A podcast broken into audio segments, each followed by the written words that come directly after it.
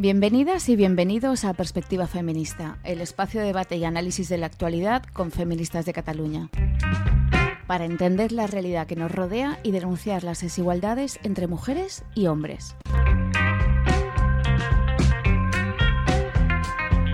Hola, ¿qué tal? Soy Pat de Lidia y hoy os queremos hablar de un tema que últimamente ocupa un lugar muy visible en los medios de comunicación, pero que poca gente entiende qué significa realmente. Me estoy refiriendo al concepto de género. Os aviso ya que el capítulo de hoy ligero ligero no es es más bien un pelín denso, así que yo os recomiendo que lo escuchéis por partes, pero de verdad os aseguro que va a valer la pena, porque es muy interesante. Además, se trata de un concepto imprescindible para entender noticias de rabiosa actualidad y al final del programa de hoy podréis disfrutar de una entrevista con una invitada de excepción. Así que vamos a ello.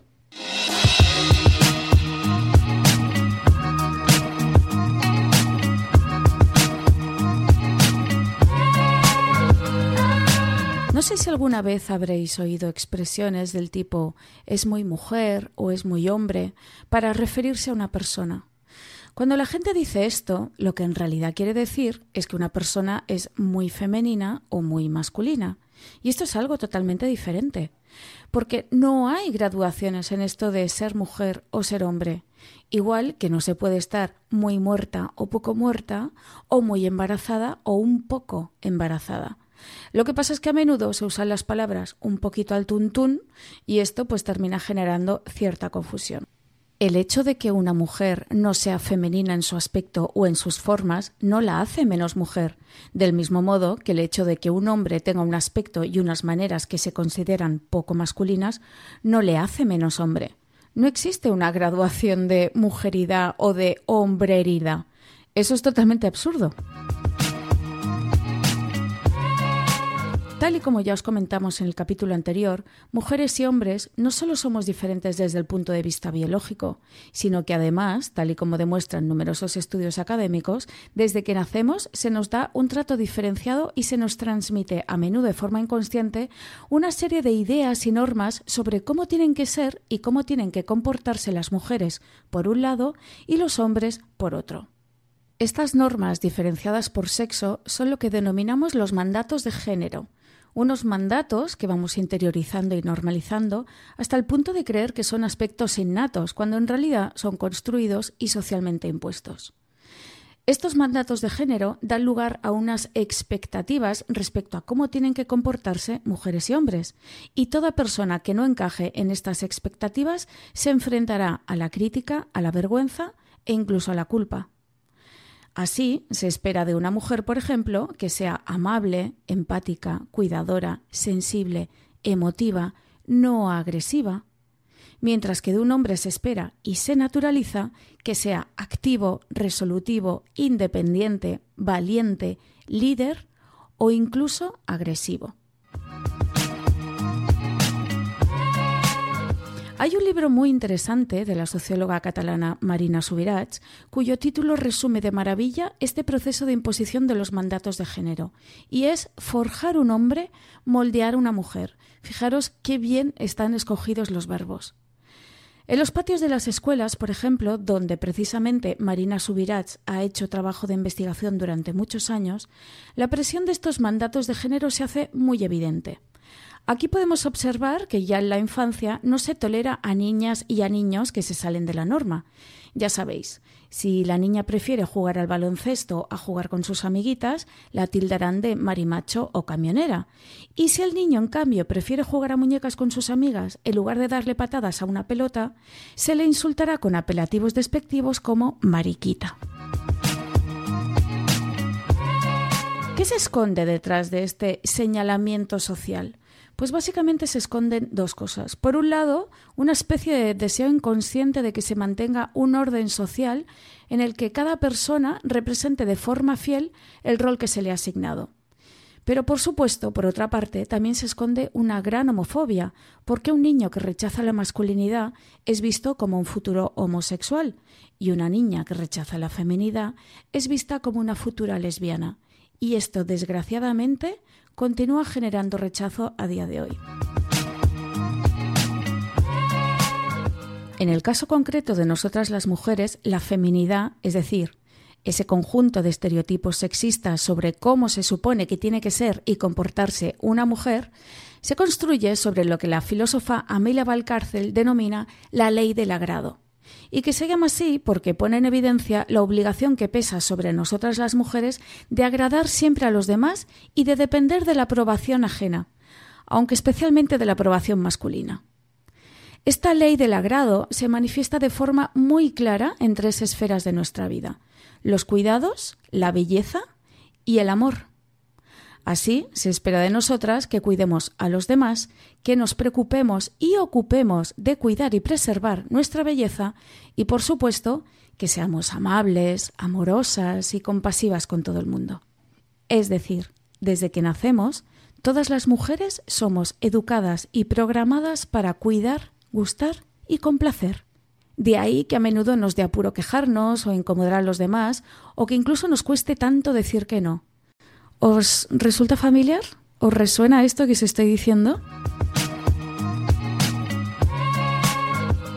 Esta dificultad para decir que no o para quejarnos, como podéis deducir muy fácilmente, nos pone en situaciones injustas y de clara desventaja para nosotras. En muchas más ocasiones de las que querríamos admitir, aceptamos lo que no queremos, consentimos lo que no deseamos, sonreímos a quien preferiríamos girarle la cara y callamos por no ofender, no incomodar o no provocar un conflicto. Por tanto, el género, es decir, los estereotipos sexistas, no son solo perjudiciales porque limitan la capacidad de las personas para expresarse de manera libre, sino que en el caso concreto de las mujeres también limita nuestras posibilidades de crecimiento personal y profesional y condiciona la toma de decisiones sobre nuestras vidas. Porque no olvidemos una cosa fundamental. Esta repartición e imposición de roles y estereotipos sexistas nos sitúa a las mujeres en una situación de inferioridad y subordinación respecto a los hombres, por lo que su mantenimiento es imprescindible para la supervivencia del patriarcado. A ver, un momento. Patriarcado. ¿Eso qué significa? Pues el patriarcado no es más que el poder económico, político y social que ostentan los hombres en un sistema en el cual las mujeres somos consideradas ciudadanas de segunda. Ya sé que algunas podéis pensar, yo no me siento inferior a los hombres, ni una ciudadana de segunda, yo no soy ninguna víctima, a mí nunca me ha pasado nada. Pero si abrimos un poco más el foco, veréis que en absolutamente todo el mundo las mujeres somos las que nos dedicamos a cuidar gratis, las que ocupamos menos lugares importantes o de poder, las que cobramos menos por nuestro trabajo, las que tenemos trabajos más precarizados, las que somos explotadas, compradas y alquiladas en la industria del sexo y en la industria reproductiva y las que nos vemos expuestas a ser agredidas sexualmente o asesinadas por hombres, y no solo por extraños, sino incluso por los hombres de nuestro entorno más próximo, es decir, por aquellos hombres que se supone que nos tendrían que querer. Y esto que acabo de decir no es una opinión, es pura estadística. Podéis consultar los datos con solo entrar en Google. Dicho todo esto, creo que resulta bastante evidente el daño que nos hace el género a las mujeres.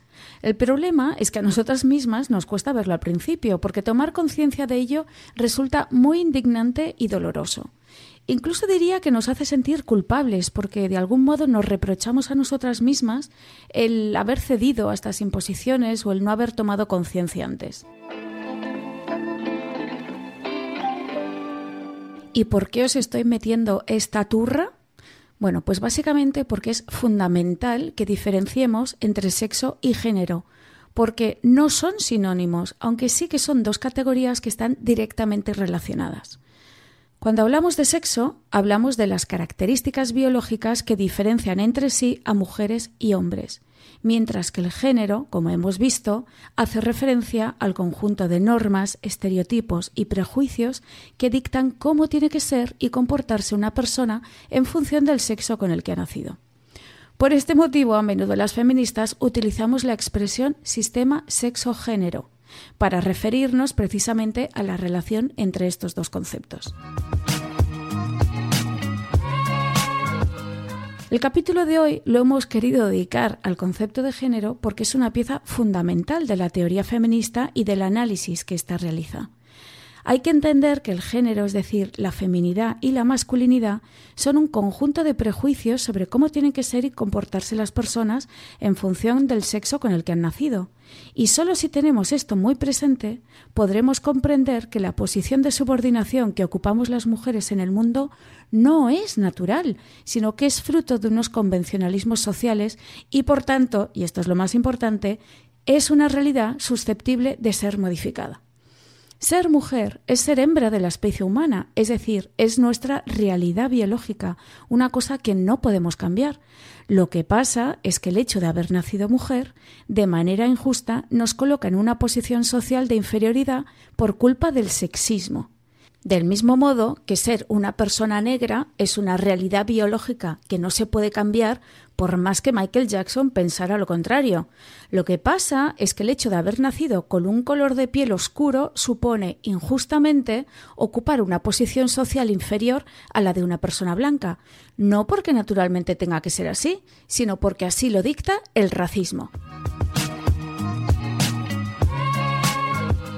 En conclusión, las feministas somos conscientes de que el género, es decir, los estereotipos sexistas, nos limitan y nos condicionan a todas las personas y en el caso de las mujeres además nos somete y nos violenta.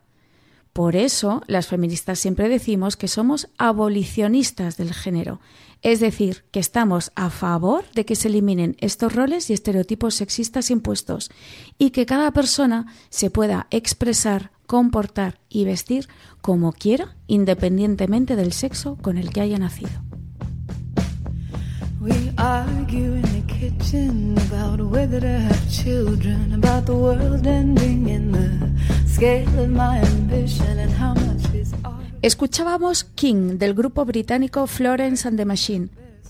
la letra de la canción se centra en el conflicto interno de la solista y compositora del grupo, Florence Welch, entre la carrera artística y formar una familia.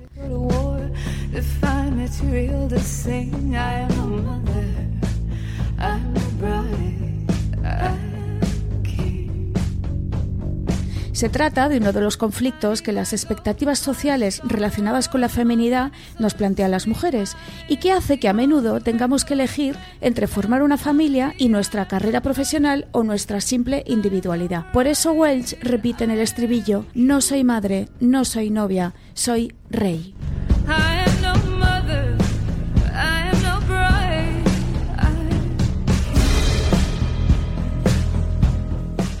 Y seguimos con más cosas. Llega Erika Bastide y la wiki feminista.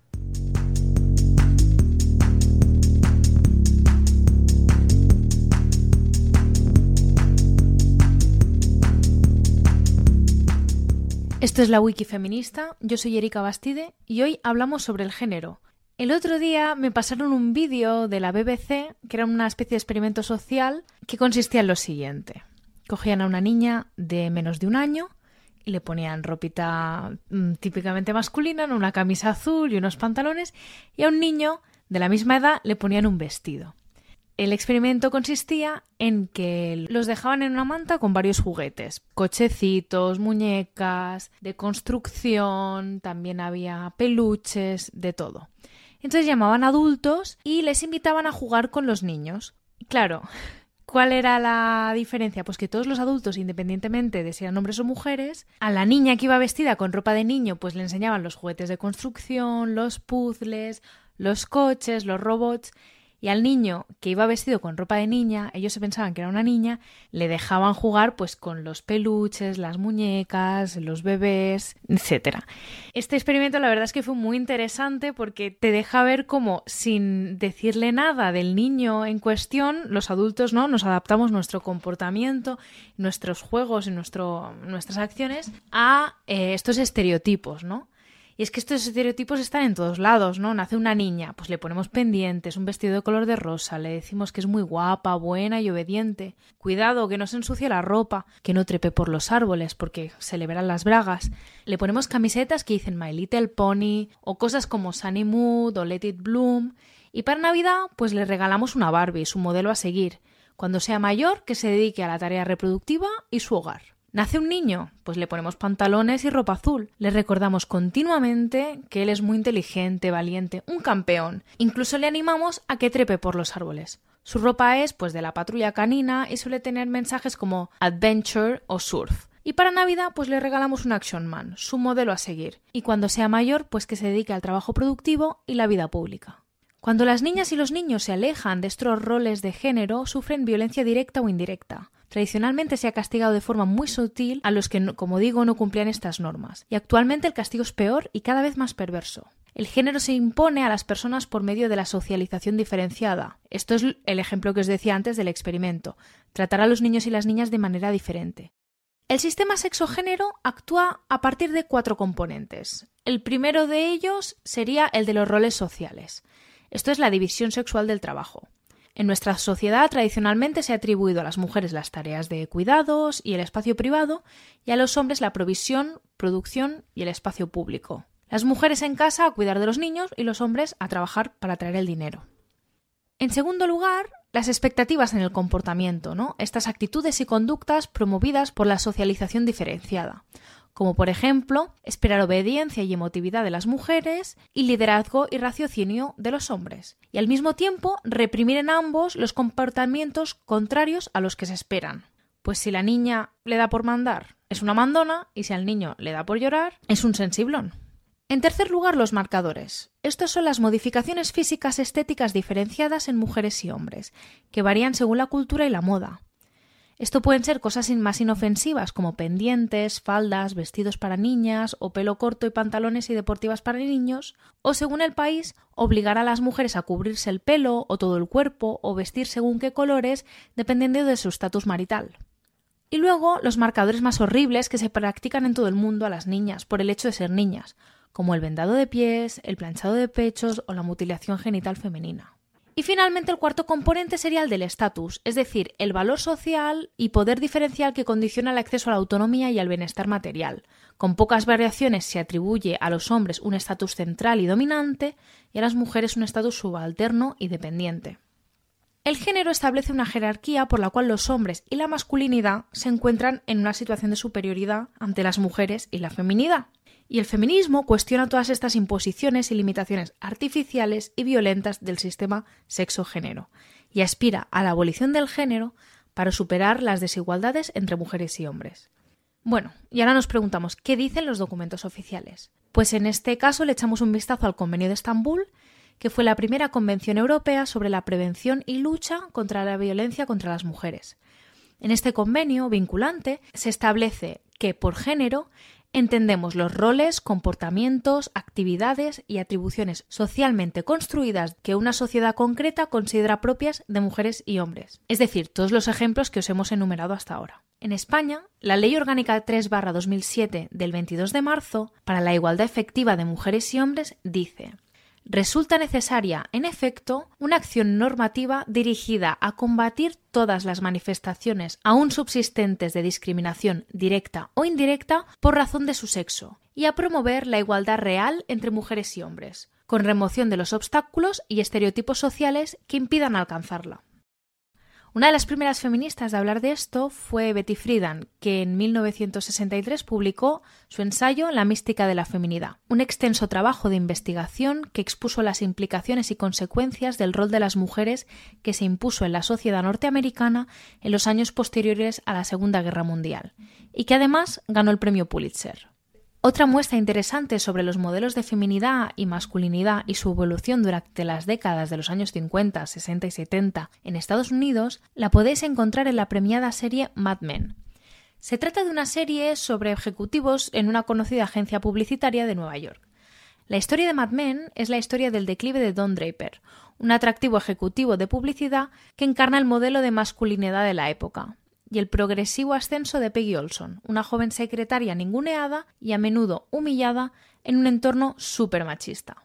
La progresiva evolución del personaje de Peggy, que aspira a convertirse en una exitosa y reconocida publicista, simboliza la rebelión de una nueva generación de mujeres, que en un momento histórico como son los 60 y 70, se niegan a quedar atrapadas en esa misma imagen de esposas perfectas del sueño americano de los 50, que las condena a no ser más que un accesorio bonito y con clase del brazo de sus maridos. Ya sabéis, esas devotas amas de casa con cinturita de avispa y pelo perfecto preparan una tarta de manzana y por las mañanas despiden a su marido en la puerta de casa cuando éste se marcha a trabajar a la ciudad. En este sentido, es muy interesante observar cómo a medida que avanzan las temporadas de la serie, los personajes femeninos van ganando cada vez más importancia, mientras que los hombres se van quedando como fósiles de otra era. Os la recomendamos. Espera, espera, espera, no te has enterado. ¿De qué? Mm, de que ya no hay machismo ni estereotipos sexistas, que vivimos en igualdad.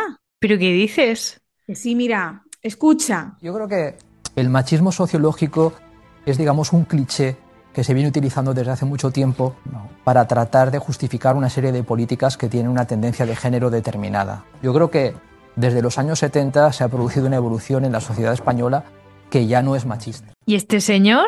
Este es el vicealcalde de Valencia, Juan Manuel Badenas. Claro, y yo lo escuchaba tan convencido que como no te lo vas a creer. Así que me voy a Google y espera, voy a teclear datos, situación de las mujeres en España. ¿Y qué sale? Pues a ver, aquí en Epedata dice que las mujeres casi llegamos a la paridad en representación política. Anda, mira. Pero sobre la brecha laboral, el número de mujeres con contratos temporales es más del doble del de hombres. Aquí dice que no haber podido encontrar un trabajo a jornada completa es el principal motivo por el que tanto hombres como mujeres en España tienen jornadas parciales. Sin embargo, mientras que en el siguiente motivo en hombres es la formación, en el caso de las mujeres es debido al cuidado de niños o adultos o enfermos, incapacitados o mayores. Vaya, y para esa necesidad de cuidar de unas y de estudiar y mejorar de otros, ¿no existirá una explicación científica? Espera que me voy a mi web de referencia, feministes.cat. Vaya tela, el spam que acabas de colar, amiga. Bueno, que para eso es nuestro podcast. Mira, aquí en Recursos sobre el transgenerismo hay un link a una entrevista súper interesante a Gina Ribbon, que es una neurocientífica, feminista, profe emérita en neuroimágenes cognitivas en el Aston Brain Center de la Universidad de Aston en Birmingham y que además en 2019 publicó su libro Gender Brain la nueva neurociencia que rompe el mito del cerebro femenino y investiga el papel de las experiencias de la vida y la biología en el desarrollo del cerebro. Fíjate que cuenta que las mujeres llegaron incluso a ser excluidas inicialmente del programa espacial de Estados Unidos porque había temores a que tuvieran arrebatos psicofisiológicos temperamentales a bordo de la nave. Sí, vaya, los típicos arrebatos psicofisiológicos temperamentales que nos dan a todas las mujeres en las misiones espaciales. Total, total.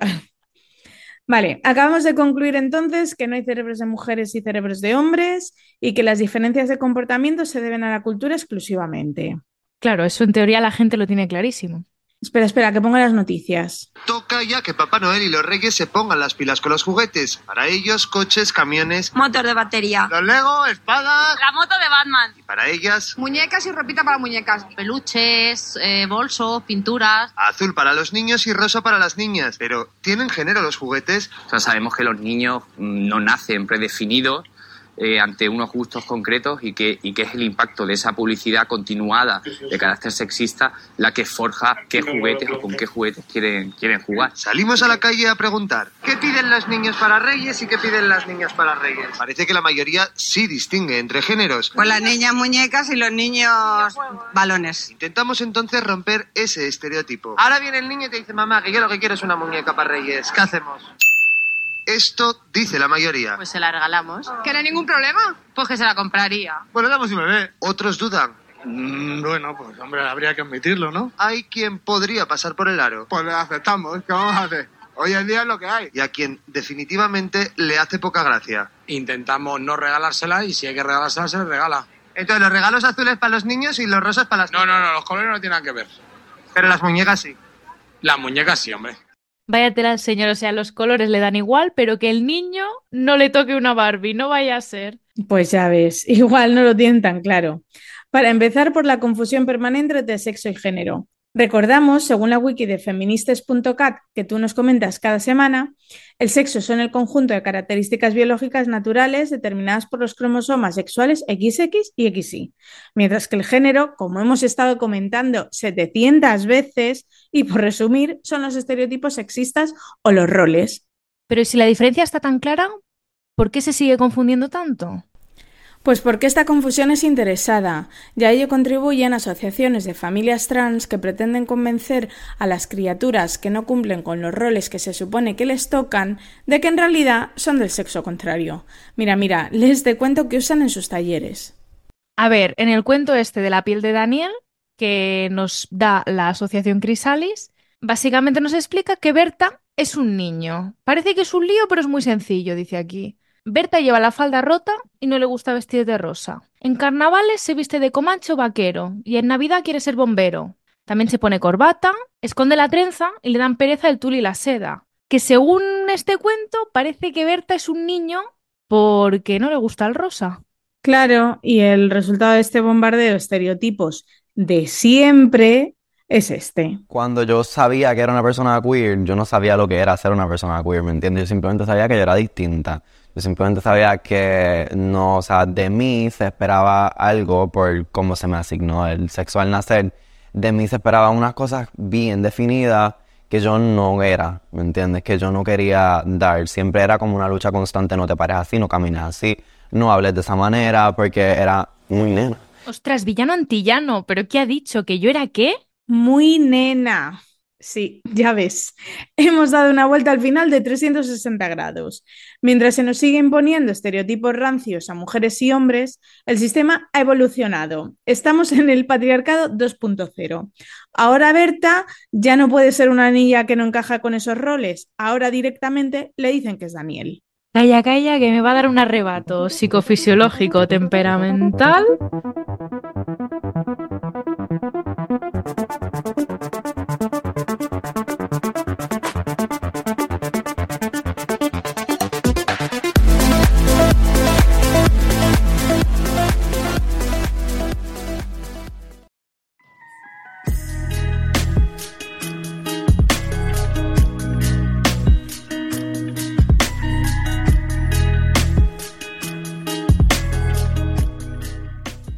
Y en nuestra FemTalk de hoy hablamos con Rosa Cobovedia, teórica, investigadora y escritora feminista. Es profesora titular de Sociología en la Universidad de La Coruña, imparte Sociología del Género y es directora de la Revista Internacional de Estudios Feministas Atlánticas y presidenta de la Red Académica Internacional de Estudios sobre Prostitución y Pornografía. Rosa Cobo es doctora en Ciencias Políticas y Sociología por la Universidad Complutense de Madrid y fue miembro del equipo asesor de la Unidad de Mujeres y Ciencia del Ministerio de Educación y Ciencia de 2006 a 2008. Ha impartido cursos y conferencias sobre teoría feminista en España y en diferentes países de América Latina y es autora de numerosos artículos y libros sobre la materia, entre los cuales destacaré el más reciente, titulado Pornografía, el placer del poder, publicado por Ediciones B y en la presentación del cual en Barcelona tuve el honor de asistir el pasado invierno. Bienvenida, Rosa. Hola, muchísimas gracias por invitarme. Muchas gracias por estar aquí con nosotras. Rosa, a lo largo del capítulo de hoy hemos estado hablando del género como lo que es un constructo social y una herramienta de subordinación de las mujeres respecto a los hombres en, una, en el contexto de una sociedad patriarcal. El uso del término género, sin embargo, parece que se ha ido desvirtuando de varias maneras durante las últimas décadas. En ocasiones se utiliza como sinónimo de sexo, cuando ya sabemos que sexo y género son dos cosas distintas. Y en otras ocasiones se usa en sustitución de otros términos, convirtiéndose en lo que yo llamaría casi una especie de comodín neutralizador. Por ejemplo, en lugar de violencia machista, pues a menudo se utiliza la expresión violencia de género a pesar de que sabemos que es una violencia ejercida por hombres sobre mujeres. Y por otro lado, ya hace años que los estudios feministas o la investigación con perspectiva feminista se suelen denominar estudios de género perspectiva de género. Es más, yo recuerdo que en los años 90, que fue cuando yo estudié la carrera de sociología y que siempre buscaba asignaturas que tuvieran que ver con feminismo, eh, yo recuerdo haber cursado uh, asignaturas como una que se titulaba Sociología de la Mujer, que eso es un nombre que yo creo que a día de hoy eh, sería casi ciencia ficción, ¿no? Sería impensable. Eh, ¿Por qué crees que ocurre esto? ¿A qué se debe esta ambigüedad en el lenguaje relativo a estas cuestiones? Bueno, quizá primero habría, en la medida de lo posible, que acercarnos a la categoría de género con cierta precisión y señalar que la categoría de género se va a conceptualizar en la década de los años 70 en el contexto del feminismo radical y se va a conceptualizar para dar respuesta a algo que mmm, necesitaba el feminismo. Y es por qué las mujeres nos vemos obligadas nos vemos persuadidas eh, en las sociedades patriarcales a comportarnos, a pensar y a sentir de una manera diferente a cómo lo hacen los varones. Y cómo esa manera de pensar, de comportarnos y de sentir eh, es una manera mmm, menos valorada que la manera de pensar, sentir y vivir que tienen los varones. Entonces, es importantísimo en este contexto distinguir lo que es el sexo de lo que es el género. El sexo es una realidad anatómica, es una realidad fisiológica y el género es una construcción cultural, es una construcción social, es una construcción histórica.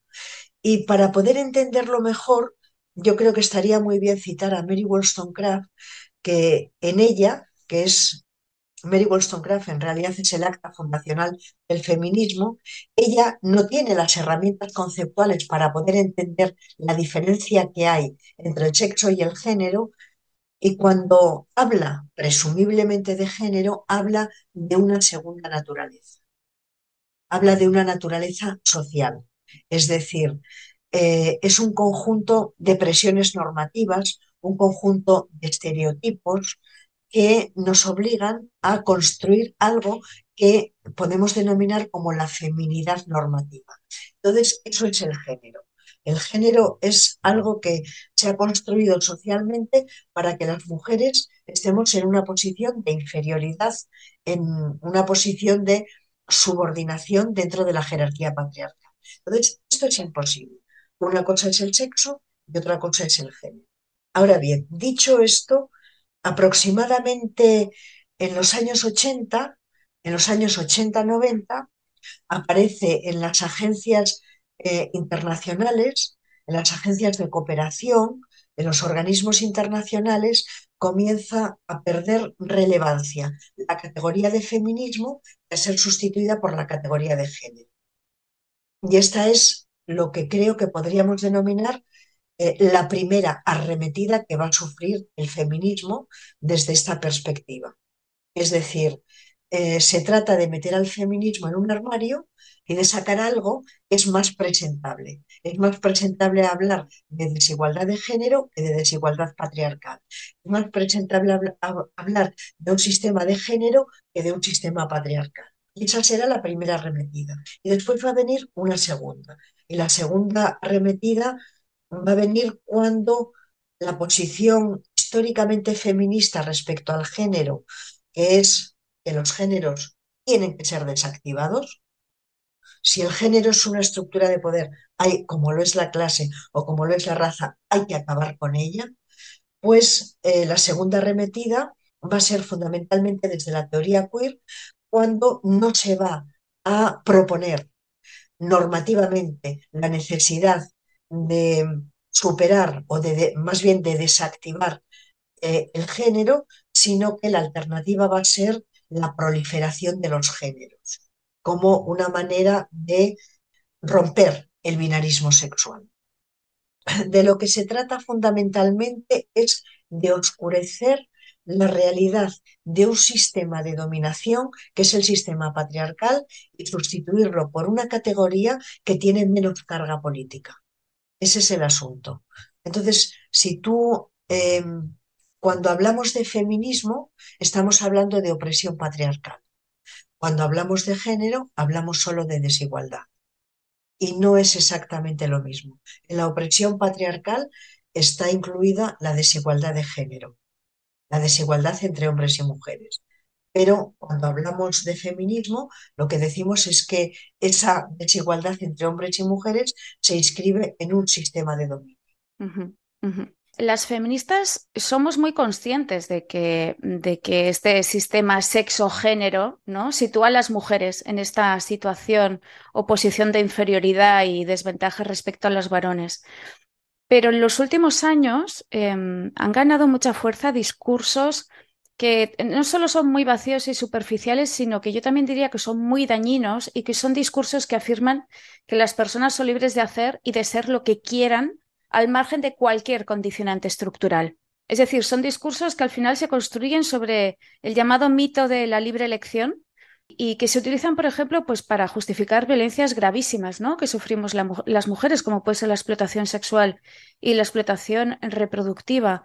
¿Qué herramientas o argumentos manejas tú como socióloga para desmontar estos discursos tan en boga? Bueno, es muy difícil desactivar eh, el discurso que lo vamos a llamar el discurso del consentimiento. Es muy difícil desactivarlo porque el discurso del consentimiento es el discurso de la libertad individual. Eh, la idea de libertad individual habla de la libertad de los individuos independientemente de que ese individuo esté inscrito en un sistema de poder. Entonces, lo que creo que es muy, muy importante es comprender que el discurso del consentimiento está siendo interesadamente utilizado, en primer lugar, para oscurecer, para borrar las estructuras de poder. Esa es la primera cuestión muy importante. Y, en segundo lugar, colocar toda la carga de la prueba sobre los hombros de los individuos. De modo que un sistema de poder se disuelve automáticamente si el individuo otorga su consentimiento a los efectos que ese sistema de poder tiene sobre ese mismo individuo. Esto no es nuevo. esta reflexión sobre, sobre los equívocos del consentimiento tiene mucha historia. Es decir, hace ya 50 años, 40 años, 50 años, que desde la teoría feminista eh, se ha interpelado una idea de consentimiento que está al servicio de que las mujeres acepten la realidad de algunas de sus opresiones. Esto ya se ponía en cuestión. Lo que pasa es que el capitalismo neoliberal ha encontrado eh, su herramienta fundamental de legitimación con el discurso del consentimiento, con el discurso de la libertad individual. El, discurso de la libertad individual y el discurso del consentimiento son las dos caras de la misma moneda.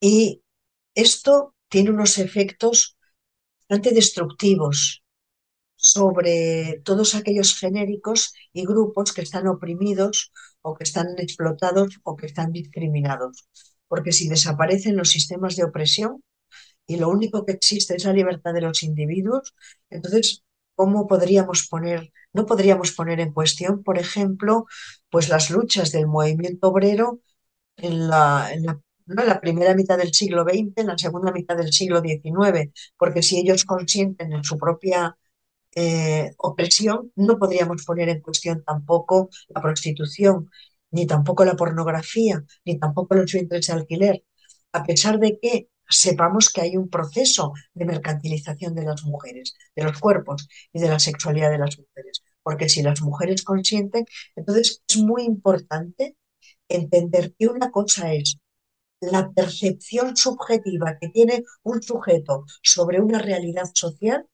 de esa estructura de poder que está en el origen de esa realidad social. Es decir, los sistemas de poder no desaparecen aunque los individuos no los perciban. Y otra cosa muy distinta es que a veces los individuos tenemos conciencia crítica para poder resignificar críticamente esa realidad. Otras veces no la tenemos, pero el hecho de que no la tengamos no significa que el sistema de poder desaparece. Mm. Pues bien, la idea de libertad individual y de consentimiento están al servicio de borrar ese sistema de poder. De hecho, ahora te estaba escuchando y estaba pensando conversaciones que he tenido recientemente con tanto con compañeras de militancia como con amigas que ni siquiera están vinculadas de alguna manera al, movimiento feminista o al activismo feminista eh, y que sin embargo están como despertando a ciertas cosas, ¿no? O, tomando conciencia de ciertas cosas. Y esa toma de conciencia pasa siempre por la puesta en común. Es decir, si tú el foco lo pones en lo micro, ¿no? En una sola persona, puedes atribuir cosas que le pasan pues a la mala suerte, a cosas que dependen únicamente de esa persona y no ves lo estructural, ¿no? Que está pesando sobre, eh, eh, sobre lo que le ocurre, lo que vive esa persona. Pero cuando las mujeres hablamos entre nosotras, y eso lo tenían muy claro las feministas en los años 70, qué importante es cuando pones en común y entonces te das cuenta que, que no, que lo que te está ocurriendo primero no te ocurre solo a ti y que además hay toda una estructura detrás o encima que explica eso que tú estás sufriendo, ¿no? Y es curioso cómo Cala este discurso de tan individualista y tan centrado en lo micro, obviando totalmente lo macro, em, ¿cómo cala este discurso en la gente de a pie? ¿Cuántas veces mm, hemos discutido con personas de nuestro entorno que no tienen a lo mejor esa inquietud, sensibilidad feminista ni ese ojo crítico e intentas eh, debatir con estas personas sobre la prostitución, la explotación sexual o la pornografía o, o la explotación reproductiva y te dicen, bueno, mientras sean dos adultos que están de acuerdo, pues no veo cuál es el problema. Y qué fácil es adoptar ese discurso, qué fácil ha calado y qué fácil es adoptarlo, incluso como para, es como para adormecer la propia conciencia social, ¿no? De alguna manera. Sí, ese, ese discurso ha calado porque hay muchas fuerzas sociales ocultas que lo refuerzan. Porque hay muchos intereses simbólicos y materiales están muy interesados en sostener ese discurso, en sostener esta idea. ¿eh? Eh, que otra vez vuelve a ser la idea de que los sistemas de poder no existen, que lo fundamental no son las estructuras de poder, que lo fundamental son los individuos.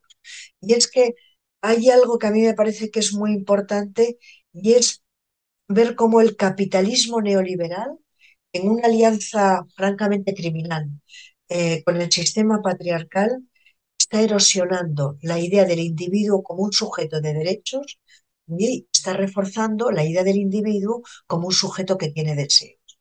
Entonces, eh, los individuos no somos sujetos por los deseos que tengamos, que tenemos muchos, porque todos los individuos tenemos una red inabarcable de deseos. La noción de sujeto lo es por la cantidad de derechos que tienes y cómo esos derechos hacen posible que tú puedas eh, tener un proyecto de vida autónomo y no subordinado al del padre, al del marido, al del hermano, al de, al de quien sea, ¿no? Bueno, pues eh, en este momento histórico, la brutalidad que supone el capitalismo neoliberal es el que ha puesto en pie esta idea de los individuos como sujetos deseantes, no los individuos como sujetos de derechos. El sujeto de derechos eh, lo que hace es erosionar el sistema de poder. Y ese sujeto deseante, ese sujeto de, de deseos, lo que hace es poner en pie una enorme cantidad de deseos que pueden ser satisfechos, pero no por todo el mundo igual. Quien tiene más recursos lo satisface mucho mejor que quien no tiene recursos.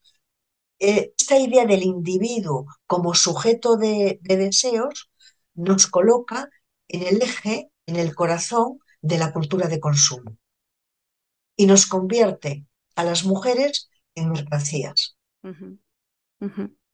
Antes decías, eh, para que nos entienda bien quien nos está escuchando, antes decías que hay determinados, no sé si has usado el término poderes ocultos, que son los principales interesados en que la gente no tome conciencia de esas estructuras de poder.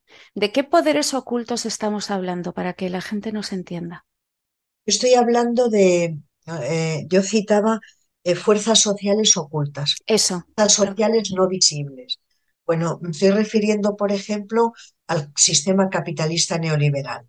El sistema capitalista neoliberal quiere que eh, la gente asuma la idea de que los deseos forman parte de la propia, son inherentes a la propia naturaleza humana y no están inducidos desde esa cultura eh, imprescindible sobre, que sobre la que se asienta el capitalismo neoliberal. Esa sería una fuerza oculta.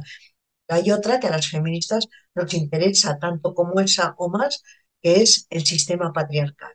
Y el sistema patriarcal tiene un extraordinario interés en que la prostitución, la pornografía y los vientres de alquiler sean realidades no solamente legales, sino también legítimas.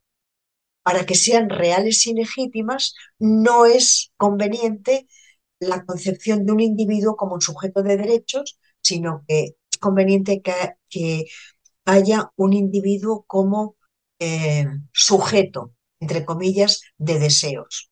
Estas son algunas de las fuerzas sociales ocultas. Hay muchas más, porque después hay lobbies. Hay lobbies económicos, hay lobbies de poder masculino, eh, en fin. Una última cuestión, Rosa, que me gustaría que, habláramos.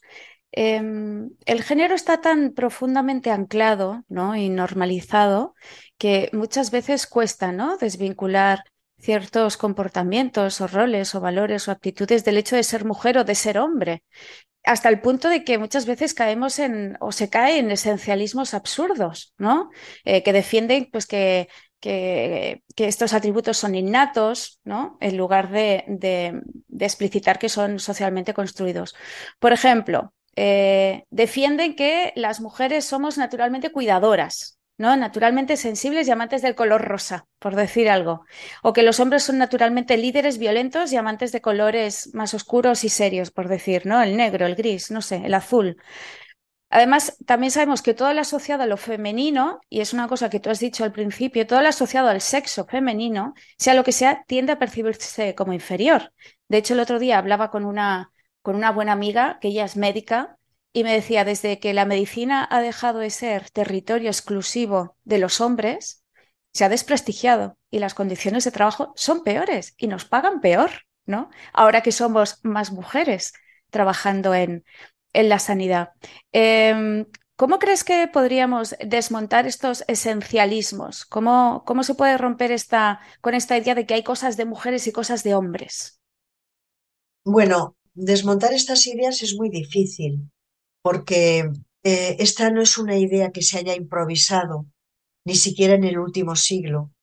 Es que Aristóteles, es que la escolástica, es que la patrística, es que la propia filosofía ilustrada, como fue el caso de, no sé, de Kant o como fue el caso de Rousseau, eh, es que el romanticismo, es que el psicoanálisis, todos son eh, perspectivas teóricas que han partido del supuesto de que hombres y mujeres tenemos naturalezas que son distintas y esas naturalezas distintas no son, no son entendidas como construcciones culturales, sino que son entendidas como naturalezas esenciales, ¿no? Eh, eh, es muy difícil desarticular este discurso. Este discurso, quien mejor lo, lo ha desarticulado ha sido, históricamente, ha sido el feminismo porque el feminismo va a constituirse como un discurso y como una práctica política con el objetivo de desactivar esta estructura de poder que el propio feminismo ha conceptualizado con la categoría de género. Entonces, eh, ha sido el feminismo la primera teoría, la primera perspectiva teórica que ha desarticulado este discurso y que lo ha colocado en su lugar que ha rechazado la naturalización de lo femenino, que ha rechazado la esencialización de lo femenino. Entonces, eh, ¿cómo podemos hacerlo? Pues como lo hemos hecho, porque la verdad es que eh, para desarticular sistemas de poder no hay varitas mágicas. Para desarticular sistemas de poder no hay milagros. Lo único que hay es un trabajo que tiene que ser un trabajo muy preciso, que tiene que ser un trabajo muy constante y que tiene que ser un trabajo teórico y un trabajo político, donde tiene que haber conceptualización y creación de discurso por una parte y después lucha política vindicativa por otra. Y esto es lo que ha hecho el feminismo desde que en el siglo XVIII se va a constituir como pensamiento y como práctica política. Desactivar todos los estereotipos, todas las ideas preconcebidas que han sido las que han fundamentado la jerarquía patriarcal y que a nosotros nos han colocado en posiciones de subordinación. Esto, este trabajo, el feminismo lo ha hecho. Ahora bien, hemos hecho muchos trabajos que de pronto se debilitan en la opinión pública en el imaginario colectivo y aparecen nuevas teorías que refuerzan otra vez la esencialización de lo femenino. Bueno, pues es un trabajo que yo denomino de pico y pala. Lo tenemos que seguir en estos momentos que a mi juicio, ¿eh? a mi juicio son momentos difíciles para el feminismo. Yo creo que hay algo, sin embargo, que no es difícil. Hay algo que eh, lo tenemos abierto y es formarnos y es crear un discurso fuerte y es eh, crear un discurso fuerte sobre el cual puedan asentarse las nuevas generaciones de mujeres que van a ser las que van a, ser eh, las eh, protagonistas ¿no? del movimiento feminista en nada de tiempo. Yo te estaba escuchando, claro, una cuando reflexiona sobre estas cuestiones a veces pasa como de la depresión o el bajón o el pesimismo a momentos súbitos de optimismo, ¿no? De, bueno, lo vamos a lograr con ese trabajo de pico y pala. Pero como decías hace un momento, lo fundamental, el, el primer paso es conceptualizar bien, porque si no conceptualizamos bien, mal vamos, ¿no? Entonces hay, por un lado, el tema de conceptualizar bien y por otro, el tema de la formación, de seguir formándonos. Pero claro, luego hay para mí un tercer paso, que es el del construir un relato que eh, no solo resulte atractivo, sino que convenza, porque, o sea, precisamente a lo que nos estamos enfrentando a día de hoy es a unos relatos que se dicen feministas, pero que carecen de esa, de ese bagaje teórico y de ese, casi me atrevería a decir, sentido común, ¿no? Em, ¿cómo, cómo construir ese relato atractivo y que convenza? Porque ahora parece ser que el, el fem- el feminismo con mayúsculas, eh, a mí me han llegado a decir que es un, que es un dogma, ¿no? Y que somos unas anticuadas. Entonces, Sí, Claro, ante eso es eh, realmente muy frustrante decirle a otra persona, no, pero es que primero tienes que leer a las clásicas, es que hay una genealogía, hay, hay un, hay un corpus teórico detrás de todo esto. No es, yo soy feminista, así porque sí. sí. Vamos a ver, tenemos que comprender que eh, el feminismo apunta directamente al corazón del sistema patriarcal, pero también al corazón del sistema capitalista neoliberal. Por eso el, el feminismo es fuertemente emancipador, eh, por eso tiene una dimensión fuertemente crítica. Entonces, no podemos esperar que nadie nos reciba con los brazos abiertos. Mm, Es decir, el feminismo no es un tipo de pensamiento ni es un tipo de práctica política amable, eh, cariñoso, divertido y que responde a la filosofía de los abrazos. El feminismo es, como decía Celia Morós, es conceptualización. Eh, conceptualizar bien es politizar bien y es politizar, es decir, es lucha política, es vindicación política. Eh, ahora, a mí me preocupa mucho eso que decías de, eh, fíjate bien, si cualquier cosa es feminismo, nada es feminismo. Este es, Exacto, este es el problema. ese es el problema. Si, si resulta que tenemos una mayoría que es feminista en el Congreso o en el gobierno, es que el feminismo como movimiento social y como tradición intelectual está de sobra. ¿Para qué vamos a hacer nada si ya tenemos una mayoría feminista? No.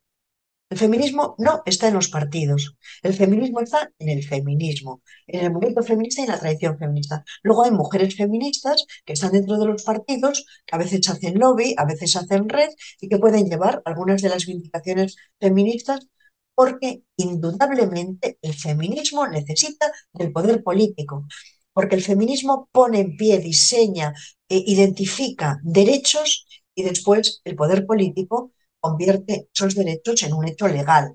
Entonces, claro que lo necesitamos. Pero eso es, a mí me parece, es muy importante. Para que nuestro para que haya mujeres que se identifiquen con nuestro relato, tenemos que hacer algo que es importante y es ser capaces de identificar los dolores, los malestares de las mujeres. Si somos capaces de hacerlo, si somos capaces de comprender, de reconocer eso, entonces muchas mujeres se van a sentir reconocidas con su propio relato. Cierto es que nosotros haremos nuestro relato y enseguida vendrán a distorsionarlo. Por supuesto, eso pasa siempre. Pero a pesar de que ha pasado siempre, desde que hay feminismo han pasado más de tres siglos y allá donde el feminismo se ha desarrollado, el mundo de derechos de las mujeres ha crecido. Entonces yo creo que no tenemos que abandonarlo. Tenemos que dejar ese tipo de eh, falsas vindicaciones absurdas, es eh, poner la vida en el centro. Es una frase que ya está empezando a cansarme o la, o la idea de cuidar. Yo no quiero una sociedad eh, cuidadora. Yo, porque ya las mujeres somos cuidadoras, es la función que nos ha otorgado el patriarcado, es el corazón de esa categoría de género. Lo que tenemos que perseguir es que sean los varones los que asuman los cuidados. Este, este es el asunto fundamental. ¿Qué es la vida en el centro? Porque la vida en el centro no es lo mismo para los hombres que para las mujeres. Y los cuidados no es lo mismo para unos que para otras. Entonces, para esto solamente hay una, un remedio y es eh, poner los ojos en nuestra genealogía. Es decir, saber cuáles fueron las vindicaciones, cuál fue el cuerpo vindicativo de la primera ola, de la segunda, de la tercera y de la cuarta. Las feministas no pedimos cosas extrañas ni estrambóticas, ni las feministas lo que pedimos son fundamentalmente dos cosas. La primera es el fin de la violencia contra las mujeres y de una manera muy particular el fin de la violencia sexual, que las chicas jóvenes sobre todo lo están viviendo en sus carnes. Lo vivimos todas, pero ellas más. Sí. Y la segunda cosa tiene que ver con la precarización del mercado laboral para muchas mujeres y para otras directamente la feminización de la pobreza. Estos son los dos corazones sobre los que se está articulando la cuarta ola feminista. Y bueno, nosotras tenemos que seguir como lo hemos hecho hasta ahora, llenando de contenido esa agenda, eh, haciéndola visible, mirando para el pasado, porque nuestro pasado es la condición de posibilidad de construir una alternativa política para el futuro, una alternativa emancipadora. Pues con esa idea final me quedo rosa, me parece el, broche de oro para, para, esta entrevista. Ha sido un verdadero placer. Muchísimas gracias por tu tiempo y por toda tu sabiduría, por compartirla con nosotras. Bueno, muchísimas gracias a ti, Patricia, y muchísimas gracias a feministas de Cataluña por ese inmensísimo trabajo que estáis haciendo, a veces en situaciones que bueno, que para las feministas nunca son situaciones fáciles. Así que gracias. Gracias a ti.